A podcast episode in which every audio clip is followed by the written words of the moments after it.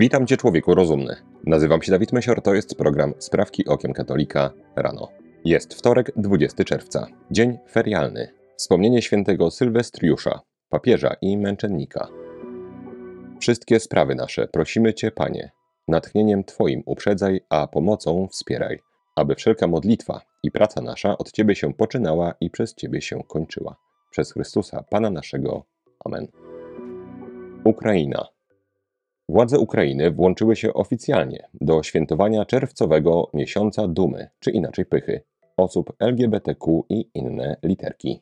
Ukraińskie Ministerstwo Spraw Zagranicznych zamieściło na Twitterze okolicznościowy wpis.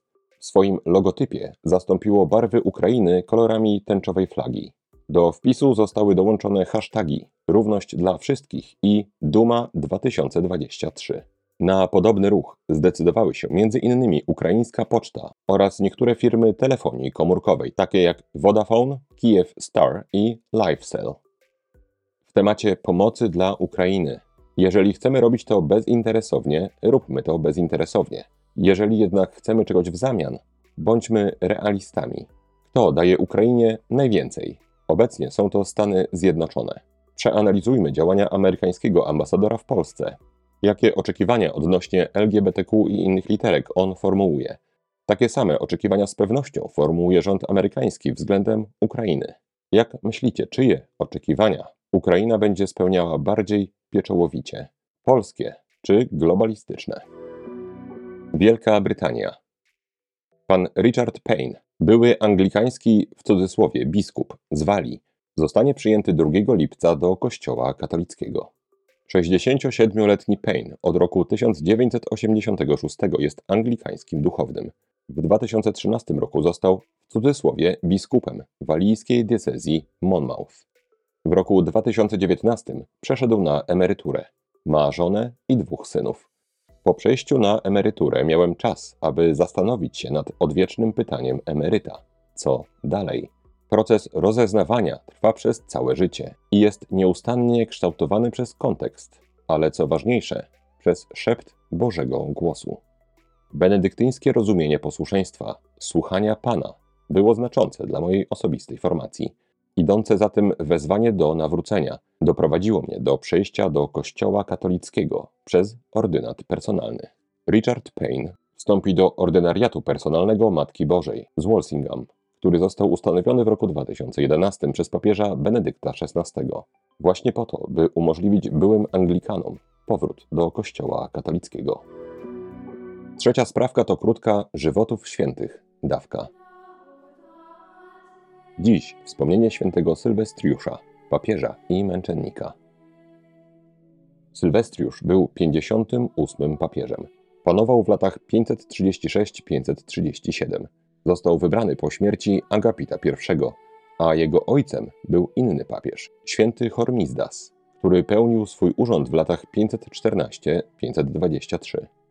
Gdy Sylwestriusz został papieżem, małżonka cesarza Justyniana, Teodora, poprosiła go, by uznał patriarchę Konstantynopola Antymosa, który został odwołany z urzędu przez Agapita z powodu herezji monofizytyzmu. Papież Sylwestriusz nie uległ jej żądaniom. Wówczas cesarzowa uknęła spisek. Przyrzekła diakonowi Wigiliuszowi, że wyniesie go do godności papieskiej i obdaruje złotem, jeżeli ten uzna Antymosa. Wigiliusz przystał na te warunki i udał się do dowódcy cesarskich wojsk w Rzymie, Belizariusza, z rozkazem Teodory, by wypędził Sylwestriusza i osadził Wigiliusza na tronie papieskim. Belizariusz podstępem zwabił papieża do swego pałacu i wysłał do Patary w Syrii. Tam ujął się za nim pobożny biskup, który udał się do cesarza ze skargą. Cesarz oburzył się na postępowanie Belizariusza i kazał mu zwolnić papieża. Jednak Teodora wymusiła na Belizariuszu aresztowanie papieża i wysłanie go na wyspę Ponza, gdzie ten zmarł z głodu 20 czerwca 538 roku.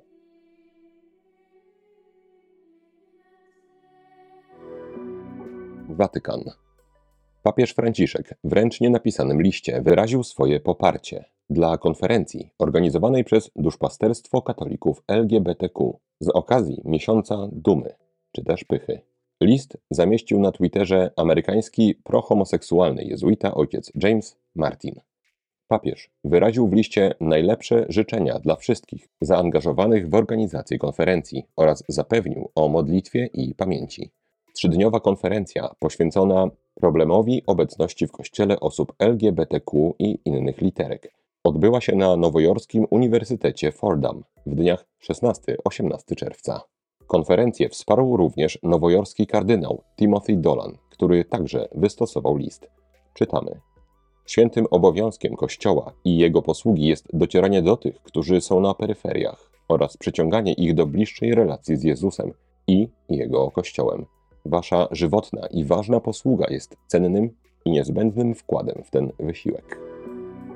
Ghana. 6 czerwca przewodniczący parlamentu Gany wysłał do republikańskich i demokratycznych członków Izby Reprezentantów oraz do Senatu Stanów Zjednoczonych list podpisany przez 129 przywódców reprezentujących 15 afrykańskich państw, w którym wzywają Stany Zjednoczone do zaprzestania finansowania aborcji w ich krajach. USA wspiera aborcję w ramach programów zapobiegania zakażeniom wirusem HIV na kontynencie afrykańskim. Afrykańczycy domagają się, by Amerykanie szanowali ich przekonania dotyczące świętości życia nienarodzonego dziecka i zrezygnowali z finansowania aborcji. Chcemy wyrazić nasze obawy i podejrzenia, że finansowanie to wspiera tzw. Tak zasady i praktyki, które naruszają nasze podstawowe przekonania dotyczące życia, rodziny i religii. Wcześniej afrykańscy przywódcy krytykowali również premiera Kanady, pana Justina Trudeau, i jego próby narzucenia aborcji afrykańskiej kulturze. Stany Zjednoczone. Arcybiskup Kansas City Joseph Neumann odkrył, że w niektórych parafiach jego diecezji używano niewłaściwego wina do odprawiania mszy świętych, tym samym powodując ich nieważność. W liście z 31 maja arcybiskup napisał, że w tych parafiach, gdzie msze były nieważne, konsekwencji intencje, w których te msze były odprawiane, nie zostały spełnione. Arcybiskup zauważa, że jest to bardzo poważna sytuacja, w której należy zasięgnąć porady Stolicy Apostolskiej. Czy wszystkie nieważne msze muszą być powtórzone w całości, czy też za specjalnym zezwoleniem niezrealizowane intencje mogą być zgrupowane w mniejszej liczbie mszy? Wierni przyjmowali ważną komunię świętą, ponieważ konsekracja hostii odbywała się normalnie. Jednak msza nie była ważna, ponieważ do tego konieczna jest konsekracja obu postaci. Prawo kanoniczne określa, że ważną materią Eucharystii jest wino gronowe. Wino to musi być naturalne, bez dodatku cukru i czyste, to znaczy niezmieszane z innymi substancjami. Możliwe jest tolerowanie bardzo małych ilości siarczanów jako środka konserwującego, ale żadnych innych dodatków.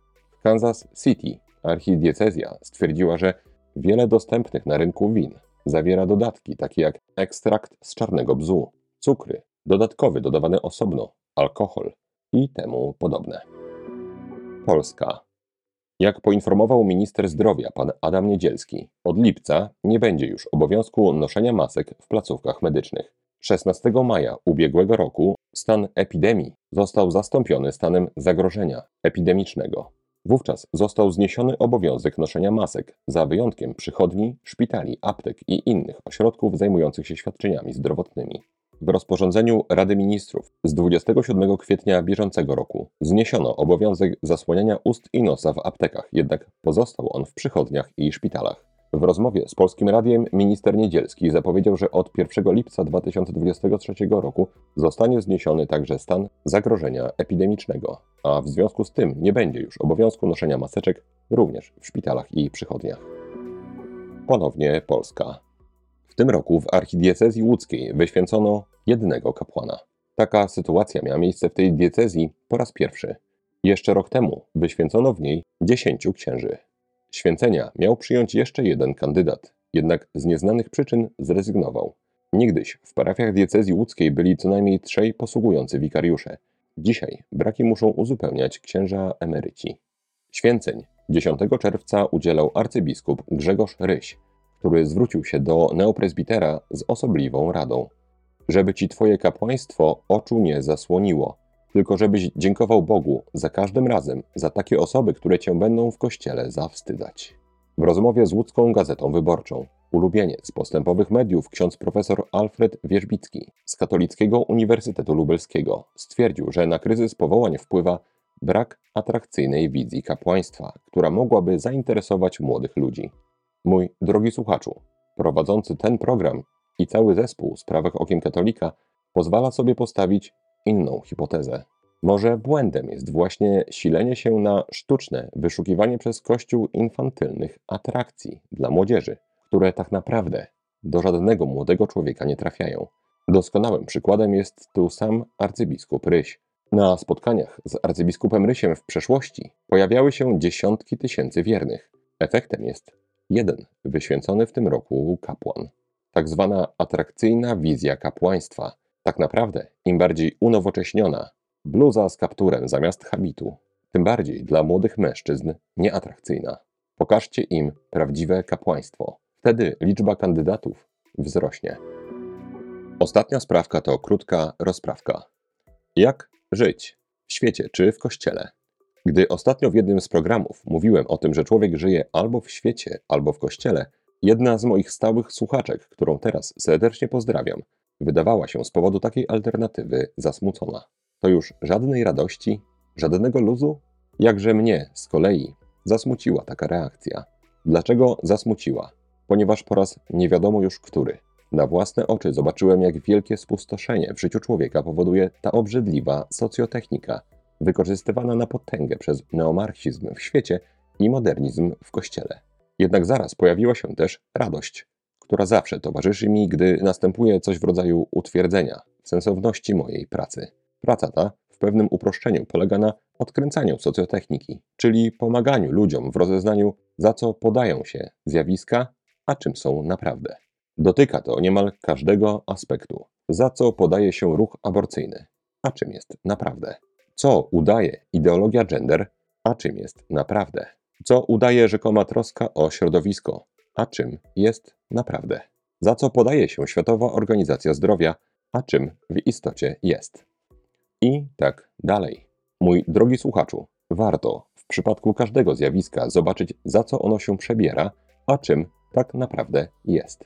Jak to się ma do pytania, czy żyć w kościele, czy w świecie? Tutaj jest podobnie. Co udaje ruch aggiornamento, ruch dialogu ze światem, ruch zrzucania sutan przez księży i publicznego paradowania w sportowej bluzie z kapturem, ruch zrzucania przez kobiet mantylek, czyli okryć głowy noszonych w świątyni, za co podaje się reforma liturgiczna, odwrócenie kapłana przodem do ludzi, msza w języku narodowym. A czym te zmiany są tak naprawdę?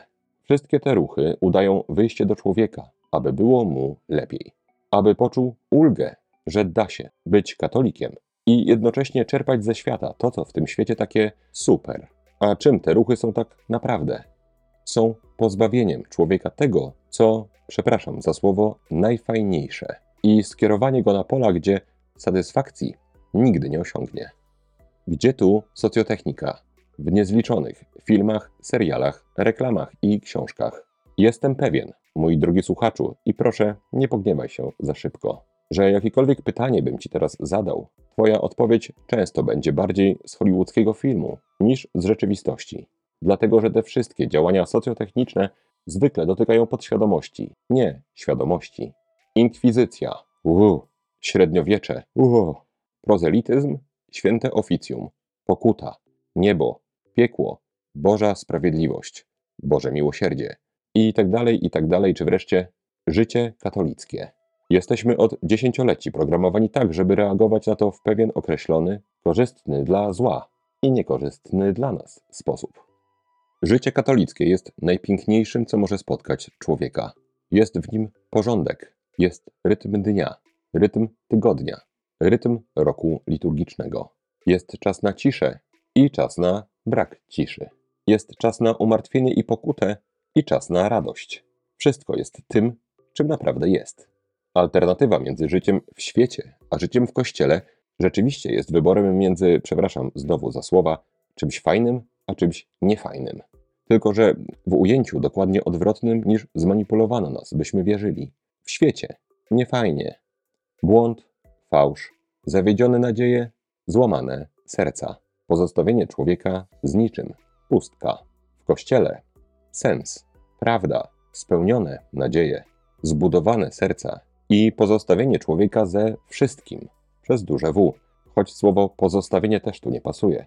W kościele człowiek nigdy nie jest pozostawiony. Mój drogi słuchaczu, warto wyzwolić swoje serce ze strachu, wsączonego tam przez kłamstwa neomarksizmu i modernizmu.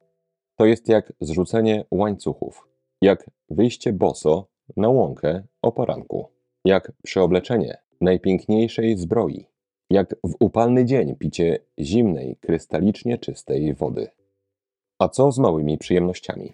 Oczywiście, że w życiu katolika one też są, ale właśnie jako to drobne przyjemności, które nie udają, tak jak robią to w świecie, szczęścia. Od siebie dodam, drodzy panowie, nigdy takiej przyjemności jak po przylgnięciu do tradycji nie sprawiło mi zapalenie cygara. Czy oznacza to, że życie katolika to brak cierpienia? Wręcz przeciwnie, ale tu nawet cierpienie jest słodkie. Pan Bóg przecież nie kłamie, prawda? To na dzisiaj wszystkie. Sprawki okiem katolika rano. Jeżeli chcesz mi pomóc, daj proszę łapkę w górę pod tym filmem i napisz komentarz. Jeżeli chcesz wspomóc zespół Sprawek Okiem Katolika najdrobniejszą choć kwotą, to szczegóły jak można to zrobić znajdują się w opisie tego odcinka. Życzę Ci błogosławionego dnia. Święty Sylwestriuszu, módl się za nami. Człowieku rozumny. Trzymaj się, nie łam się i bardzo Ci dziękuję za Twój czas. Mam nadzieję, że do usłyszenia jutro. Zostań z Panem Bogiem.